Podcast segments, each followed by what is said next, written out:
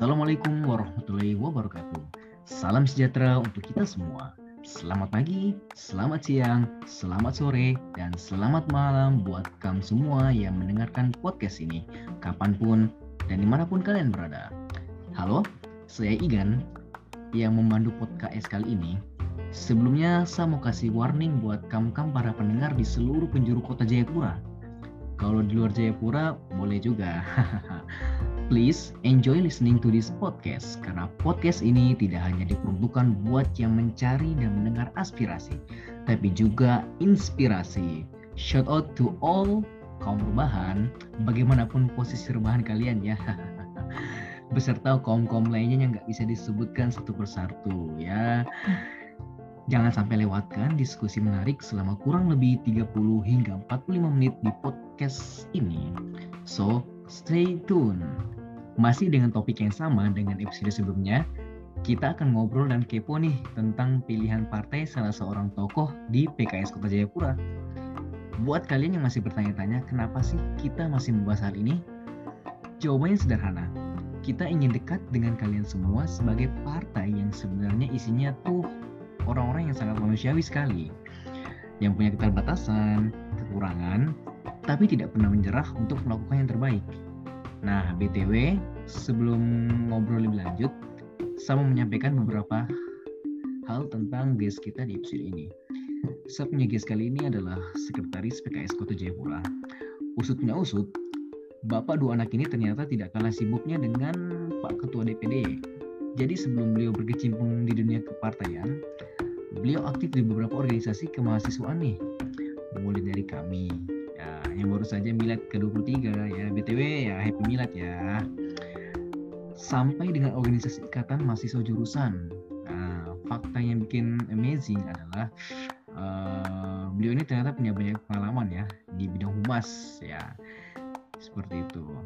Kemudian tidak hanya itu beliau juga merupakan seorang pebisnis yang tergolong mudah. Ya. wah kayaknya seru juga kalau kita serap banyak-banyak ilmu bisnisnya nih ya BTW, kalian pasti penasaran dengan obrolan episode ini kan? Sebelum itu saya mau menyampaikan beberapa fakta menarik nih ya. Walaupun banyak sih ya, tapi saat ini kita sedang memasuki sesi fakta ya seperti itu. Jadi fakta yang pertama berkaitan dengan topik kita ini, kalau kalian perhatikan ya di website Pemprov Papua, potensi sumber daya alam di Papua merupakan lahan subur para pebisnis. Ya, perlu ditanda kutip tuh lahan subur para pebisnis. Namun karena COVID karena COVID eh, Badan, Pus Badan Pusat Statistik memperhitungkan adanya penurunan pertumbuhan ekonomi selama lima kuartal. Pada tahun 2019, penurunannya penurunannya sampai 15, sekian persen.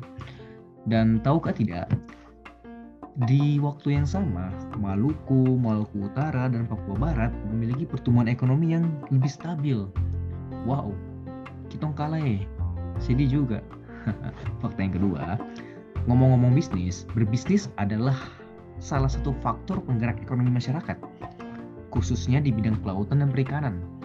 Berdasarkan data dari Dinas Perikanan Kota Jayapura tercatat di tahun 2019 produksi ikan mencapai 71,6 juta ton naik sekitar 16 juta ton dari tahun 2018 sehingga hal ini menjadi peluang dan tantangan tersendiri bagi siapa pun yang berbisnis di bidang ini. Fakta yang ketiga, dua fakta terakhir mungkin agak hmm, apa ya OOT out of topic nih ya. Kalau kalian tahu ya, eh, tanggal 2 April itu beberapa hari yang lalu itu adalah Hari Peduli Autis sedunia dan Hari Buku Anak sedunia. Nah, btw autis tuh apa ya? Nah, jangan sampai kalian biasa bergaul terus hina-hina teman dengan sebutan, eh, kok autis kah? Terus kalian ternyata artinya ya, aduh, parah sekali. Jadi autis itu kalau di dunia kesehatan tuh lebih dikenal dengan ASD ya, alias Autism Spectrum Disorder. Nah, ASD itu adalah bentuk gangguan perkembangan otak yang ditandai dengan adanya gangguan dan kesulitan penderita untuk berinteraksi sosial, komunikasi baik secara verbal maupun nonverbal, serta ada gangguan perilaku, minat, dan aktivitas yang terbatas. dan itu terjadi secara berulang-ulang. Nah di Indonesia seberapa banyak penderitanya sih? Saya kasih tahu. Menurut data dari CDC tahun 2018 atau ya CDC itu artinya Center of Disease Control and Prevention. Jadi di Indonesia itu ada kurang lebih sekitar 4 juta orang, ya 4 juta orang. Apa yang bisa kita lakukan? Ya, terutama mungkin ada keluarga yang mengalami hal itu ya. Jadi dari beberapa informasi yang disampaikan oleh situs kesehatan, di situ menyebutkan kalau sebenarnya support ya atau dukungan kepada mereka itu yang paling utama sekali, ya. Jadi jangan deh, jangan sudah sebut-sebut teman kalian itu dengan sebutan autis sudah aduh jangan jangan jangan tidak boleh tidak boleh nah kemudian fakta selanjutnya yaitu adalah tentang hari buku anak sedunia nih ya. Diperingati di hari yang sama dengan hari peduli autis. Mungkin kalian terfamiliar sih? Salah terakan bicara sejarah di sini tapi kamu ini ya apa? Tetapi Tahukah tidak kalau berdasarkan laporan UNESCO di tahun 2016 ternyata Indonesia tuh di urutan 60 untuk tingkat literasi ya dari 61 negara yang disurvei. Ya. Urutan 60 dari 61 negara yang disurvei. Hmm, cukup mengagetkan juga ya. Literasi ini maksudnya tuh baca buku ya, bukan baca postingan orang, baca status, bukan. nah, mungkin ada beberapa faktor nih yang mempengaruhi seperti akses membaca buku yang terbatas. Makanya, kalau kalian punya buku yang bisa disumbangkan, sumbangkan saja di komunitas-komunitas yang kalian tahu untuk menyalurkan buku ya, terutama buku anak-anak gitu. Oke, fakta yang lain kita lanjut kapan-kapan saja ya. Sebelum ngobrol, saya punya pantun nih. Nah, nanti kalau saya kasih jeda, Kam bisa bilang cakep ya cakep ya jalan-jalan ke pasar Yotefa tidak lupa membeli ikan daripada kam orang malam ini bingung bikin apa?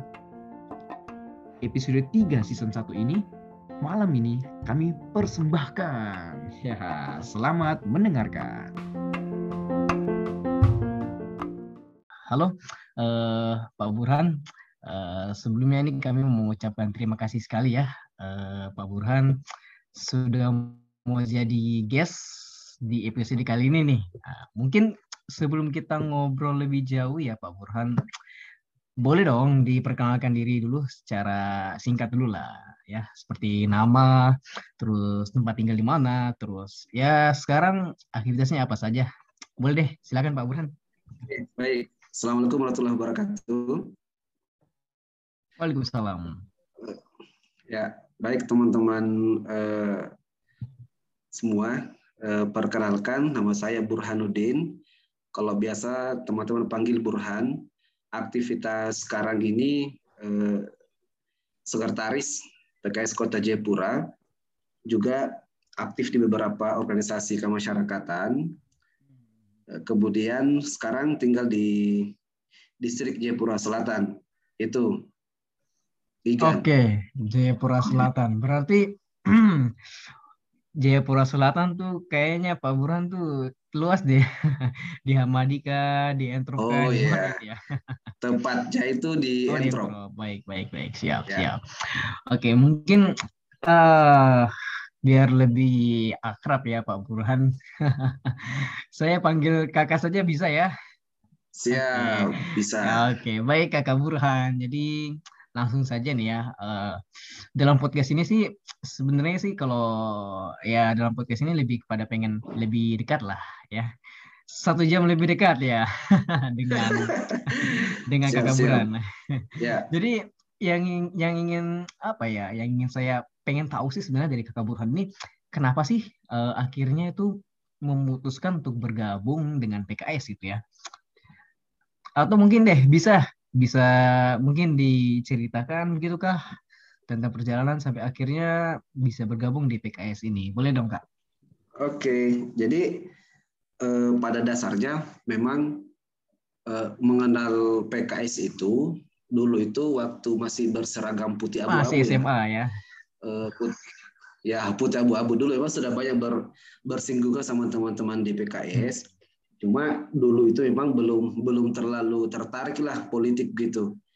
Eh, cuma hanya melihat dari luar, kok ada ada partai gitu ya, ada ada partai politik yang aktivitasnya itu aktivitasnya itu saya lihat kok eh, lebih kepada lebih kepada aktivitas-aktivitas sosial gitu. Jadi mungkin kayak kegiatan kegiatan eh, kegiatan baksos, kemudian semacam sunatan hmm. massal, membantu orang-orang susah ketika itu, turun pada saat kebakaran. Jadi tertariknya itu secara emos, pada dasarnya secara emosional di awal ya.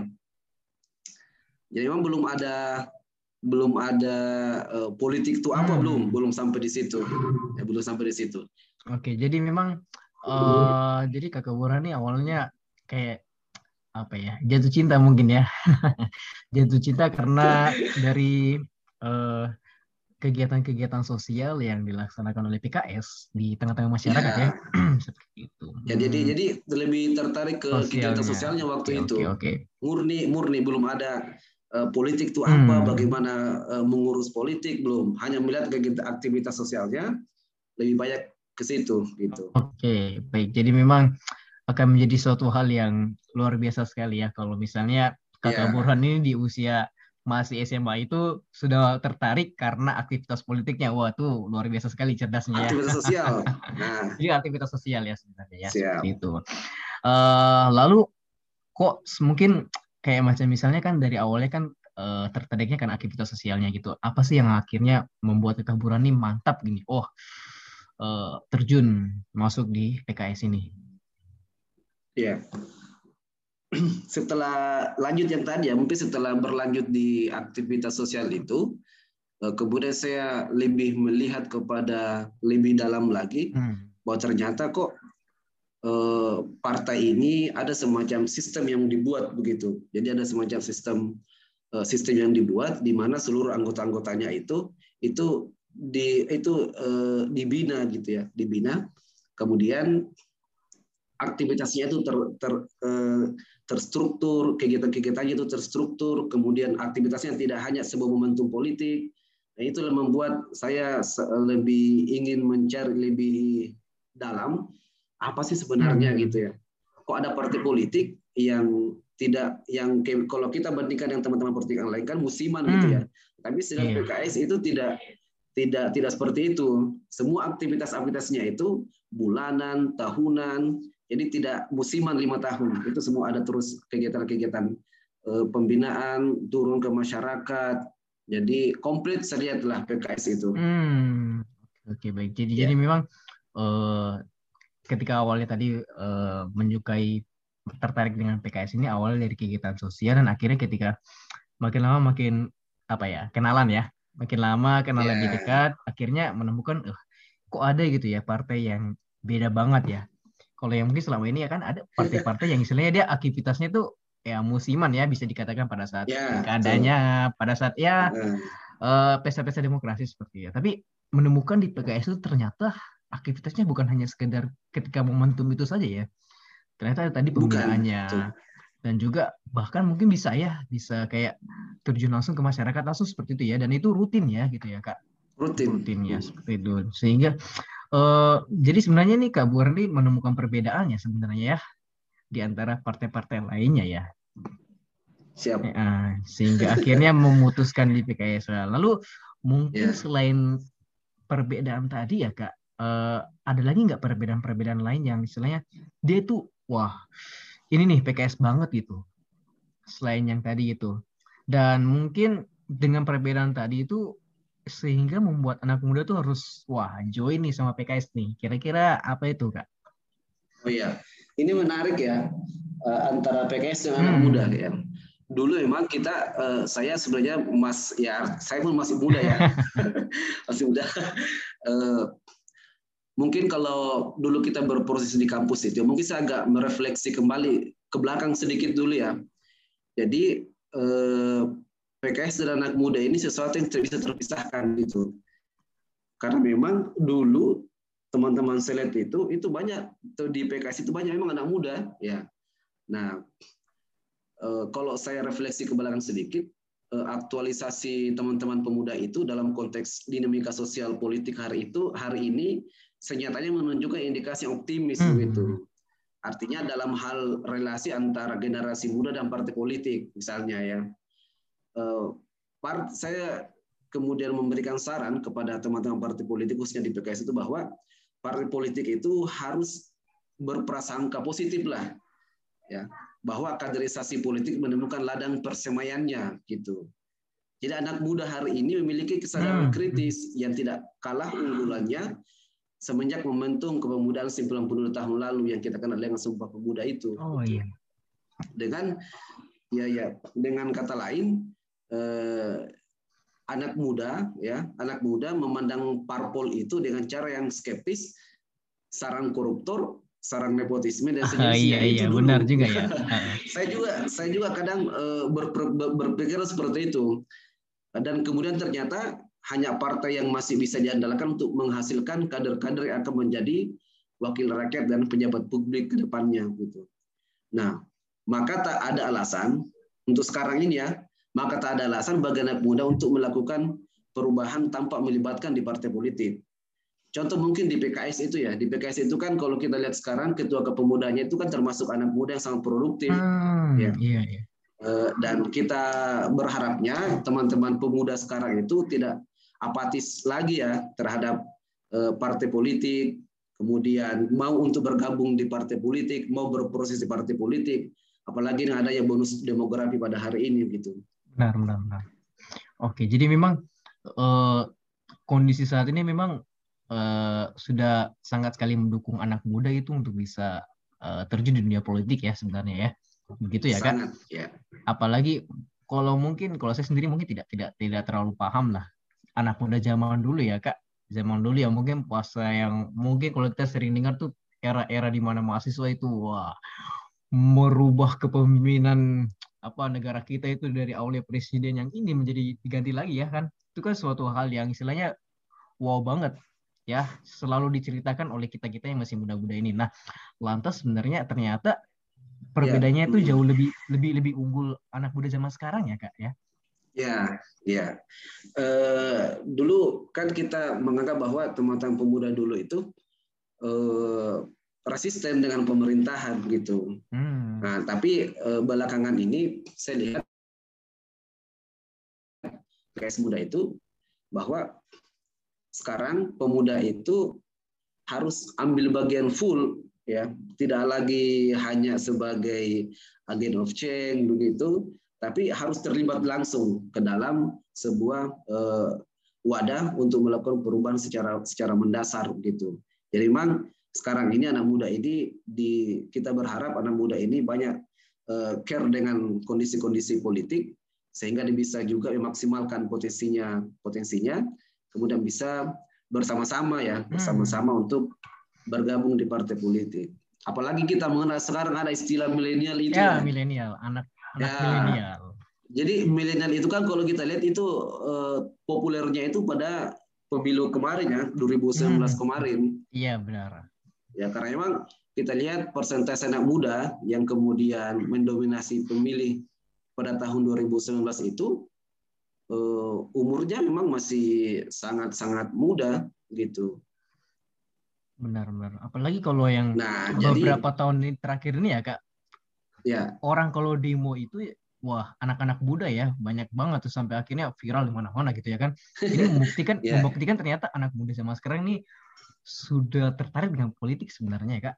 Ya betul. Jadi eh, ya memang generasi kita sekarang ini harus eh, terjun ke dunia politik ya tentunya tentunya ada niat yang baik ya kan tulus kemudian memahami platform partai Kemudian yang tidak kalah pentingnya adalah memang platform itu perlu kepada hmm. rakyat gitu. Cuma uh, begini, anak muda ini terjun ke dalam politik itu ibaratnya itu ibarat menyusuri sungai gitu ya. Iya. Nah, hmm. ini bukan jalan pintas begitu, tapi ibaratnya menyusuri menyusuri sungai. Kalau kita menyusuri sungai itu kan pasti berliku hmm. ya kan, hmm, hmm. pasti punya bebatuan gitu. Nah, ya itulah kondisinya anak muda sekarang ke dalam terjun ke dunia politik seperti itu banyak godaan. Memang saya harus fair mengatakan seperti itu. gitu. Iya, iya. Dan juga sebenarnya anak muda ini rentan. Maksudnya anak muda ini kan karena istilahnya pengalamannya nggak ada, nggak ada ya, sama sekali referensi, sehingga ya, akhirnya uh, bisa jadi ketika dia sudah tertarik ya. Zaman sekarang anak muda itu sudah tertarik dengan politik, tapi dia tuh kayak macam nggak tahu gitu. Aduh, uh, saya kalau masuk politik ini jangan sampai nanti saya disalahgunakan diapakan sehingga akhirnya mungkin masih banyak sih teman-teman yang istilahnya aduh nggak mau deh join sama partai gitu mending bicara-bicara di belakang aja. Nah, kira-kira bagaimana nih kalau dari PKS itu bisa merangkul anak-anak muda kayak gini, Kak? Nah, gini, jadi eh, partai ini kan eh, ibarat sistem gitu. Memang ada sistemnya. Nah, kita berharapnya eh, itu PKS ini dijadikan pilihan politik gitu. Jadi kakak-kakak orang, adik-adik kalau ingin berpolitik itu bisa menjadikan PKS ini sebagai pilihan karena hmm. saya lihat di PKS itu memang sudah memiliki pembinaan yang utuh bagi seluruh anggota part, anggota anggota PKS. Kemudian ada semacam sekolah-sekolah politik, ya banyaklah kegiatan-kegiatan partai yang saya lihat eh, dengan anak-anak muda ini masuk ke dalam partai ya khususnya kalau menjatuhkan pilihannya kepada PKS eh, sistem akan terbentuk dan ketika terjun betul ke dalam politik eh, prak, apa namanya politik nanti ketika dia masuk ke dalam legislatif gitu ya insya Allah itu akan apa namanya itu akan bisa terjaga dengan baik hmm. gitu. Oke, jadi jadi hmm, hmm. itu akan terjaga dengan baik karena sudah diatur oleh oleh sistem. Oke, jadi memang di sistem di PKS ini benar-benar mendukung anak-anak muda yang ingin belajar berpartai, berpolitik sangat, itu sudah terdukung sangat, ya? Sangat mendukung. Oke, sangat mendukung. Jadi Karena kan bisa dibuktikan PKS eh, PKS PKS sekarang ini kan didominasi oleh para anak muda. Mulai dari kepemuda apa, siapa? Ketua Ketua Kepemudaan Pusat. Oh iya, Dokter gitu. Gamal ya. Dokter Gamal ya. Ketua Ketua DPD kita Oh iya iya Pak Heri Pak Heri ya. Betul betul betul. Ya. Oke oke. Jadi so, jadi ya buat apa kawan-kawan semua ini yang istilahnya mungkin saat ini merasa aduh Sani rasa sekali sapu apa ya sapu daerah ini kayak macam tidak diperhatikan oleh pemerintah pokoknya kayak macam merasa galau gitu ya akhirnya dia kayak macam merasa aduh saya harus speak up nih saya harus ngomong nih hmm, saya harus angkat bicara gitu nah PKS bisa jadi pilihan gitu ya kak Sangat sangat bisa. Oke, apalagi sekarang ada PKS muda ya kan kak? Uh. Iya. Oke kak, ada mungkin mungkin bisa lagi sih kak. Uh, semakin menarik sebenarnya. Jadi kalau kita bicara mengenai anak muda yang ternyata uh, bisa mendukung uh, apa ya PKS bisa mendukung anak-anak muda yang istilahnya pengen ber, apa berpolitik dan PKS itu mendukung secara full ya bukan hanya sekedar ya, mendukung mengajak dan bukan, akhirnya ada di, apa ya itu itu hmm. bukan hanya mendukung tapi memfasilitasi. Memfasilitasi ya teman-teman semua itu. Harus memfasilitasi. di, harus di bold. Di bold di garis bawah di, hmm. dikasih under apa italik ya. itu difasilitasi itu kawan-kawan semua. Seperti jadi jangan sampai menganggap aduh nanti ketika saya masuk dimanfaatkan. Akhirnya aduh di pokoknya wah gitulah. Ternyata enggak difasilitasi teman-teman semua. Oke uh, Kak Burhan uh, mungkin saya kita pengen dengar sih pengalaman yang istilahnya ya paling tidak terlupakan lah selama melakukan aktivitas-aktivitas di Partai PKS ini. Apa saja sih kira-kira Kak? Waduh, kalau pengalaman itu uh, lumayan banyak, ya. ya. Wah, keren keren. Nah, satu saja satu saja. uh, apa ya? Dulu waktu jam berapa ya? Dulu masih dulu ketika kita sudah terlelap tidur itu ada kejadian apa waktu itu ya? Saya nggak lupa lupa ingat ini. Ada kayak kejadian kebakaran hmm, gitu ya? Bencana ya. Kebakaran. Ya kebakaran tengah malam ini kan. Kebakaran tengah malam tiba-tiba eh, baru tempatnya hmm. jauh hmm, kan? hmm. baru itu ada panggilan. Nah ada panggilan kita semua datang gitu ya. nah saya melihat kok ini orang-orang yang tidak orang saya tahu orang-orang hadir waktu itu semua orang-orang jauh dari lokasi kebakaran gitu ya. Tapi saya lihat kok mereka ada semua di situ. Nah, di situlah saya mulai melihat bahwa memang partai ini eh, ketika ada apa sih ketika ada semacam kejadian-kejadian yang biarpun kejadiannya terjadi kapan saja itu kader-kadernya itu atau anggota-anggotanya itu langsung turun begitu. Itulah mulai apa ya eh, semacam ada sok begitu. Hmm. Saya bilang luar biasa ini kader-kader PKS ini. Itu dan. Jadi memang. Dan tapi masih banyak lagi kan. Cuma eh, masih banyak lagi kan. Cuma memang eh, itu yang saya apa namanya? Paling berkesan saya bisa ingat dalam memori saya untuk saat ini.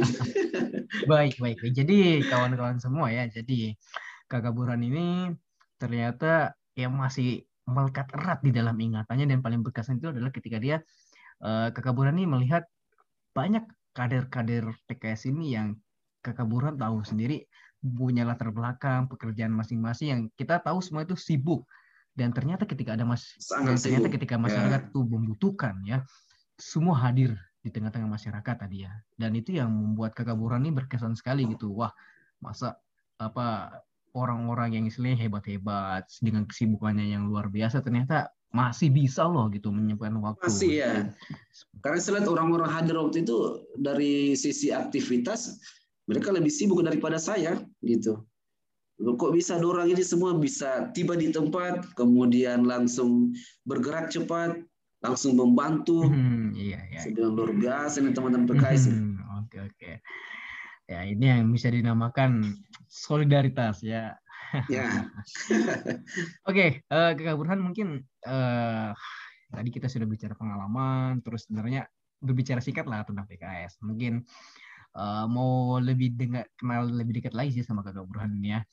Mungkin orang-orang tuh yang mungkin nggak kenal atau bahkan kenal kakak Burhan juga ini apa ya taunya cuma aktif aja di partai mungkin ya. Padahal kalau saya tahu Kak Burhan ini sebenarnya sedang merintis usaha ya.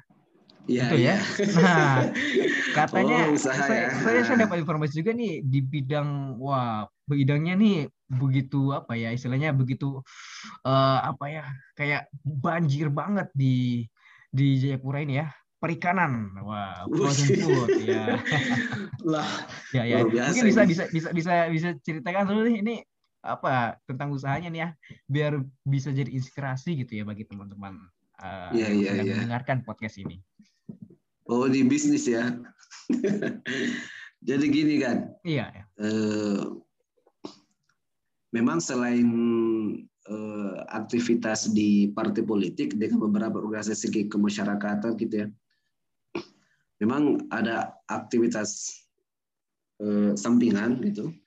Artinya uh, terjun ke dalam dunia bisnis itu pada dasarnya sudah sudah lama ya. Sudah lama dulu sempat menjalankan bisnis kue tapi sementara masih mandek, bukan gagal ya, masih mandek. Artinya sementara berhenti dulu.